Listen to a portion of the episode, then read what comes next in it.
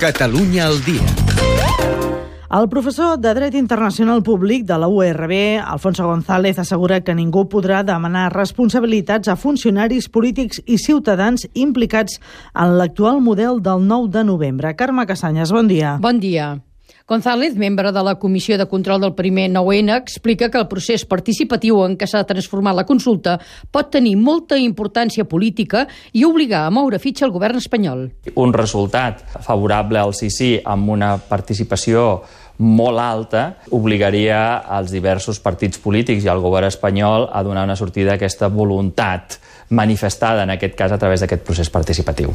El degà de la Facultat de Jurídiques de la URB explica que si Catalunya es declarés estat independent, dependria de la voluntat política de la Unió Europea que pogués mantenir-hi les relacions. Hi ha mecanismes que permetrien que també de manera, diguem-ne, simultània aquest trencament es tornessin a reemprendre aquestes relacions, de tal manera que aquest trencament i aquest eh, reemprendiment suposarien que no hi hauria un buit en el que eh, no hi haguessin relacions entre la Unió Europea i el nou estat. Declaracions d'Alfonso González. Fem ara una radiografia, una agenda ràpida de com es prepara la demarcació de cara a diumenge.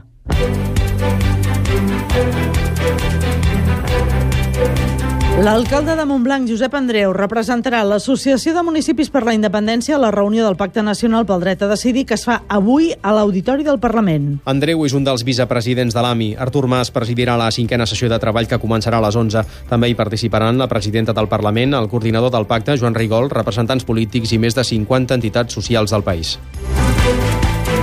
El col·lectiu veïnal Horta Decideix convoca una manifestació tortosa per votar el 15 de novembre. Tindrà el suport de l'Assemblea i Òmnium Terres de l'Ebre. La, la protesta es dirigirà a la seu de la delegació del govern a les Terres de l'Ebre, que serà un punt de votació fins al 25 de novembre, al qual podran acudir les persones que no puguin votar el dia 9, entre ells, per tant, els veïns d'Horta, que s'acullen a aquesta alternativa amb la seguretat que la seva papereta tindrà validesa en el recompte final. Manifestació proposada per dissabte.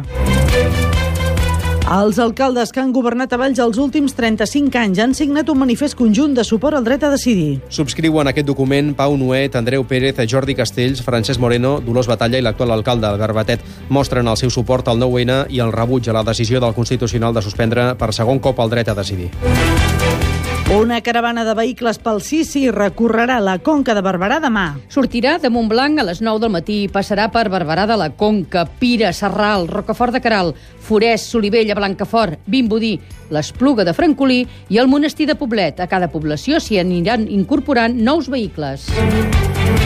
Una associació de veïns de Reus ha decidit votar en assemblea quin posicionament han de tenir davant el 9-N. Es tracta de l'Associació de Veïns del barri Parcel·les Cases. En la primera reunió hi van assistir una trentena de veïns i el 70% es va mostrar a favor de votar. Isabel Moreno és la presidenta de l'associació. El votar no vol dir que jo vulgui ser independent o no ho vulgui ser. Simplement que vull votar, que vull dir la meva. I vull decidir jo. No vull que decideixi ni a Madrid ni a la Generalitat. Vull decidir jo. Un estudiant de la Universitat Rovira i Virgili de la URB crea una aplicació per a smartphones amb informació bàsica. L'aplicatiu és gratuït i permet saber on estan situades les meses de participació i amb un mapa geolocalitzat et dona les indicacions per arribar-hi. També inclou informació sobre les activitats de l'Assemblea i el que diuen del 9-N a les xarxes socials.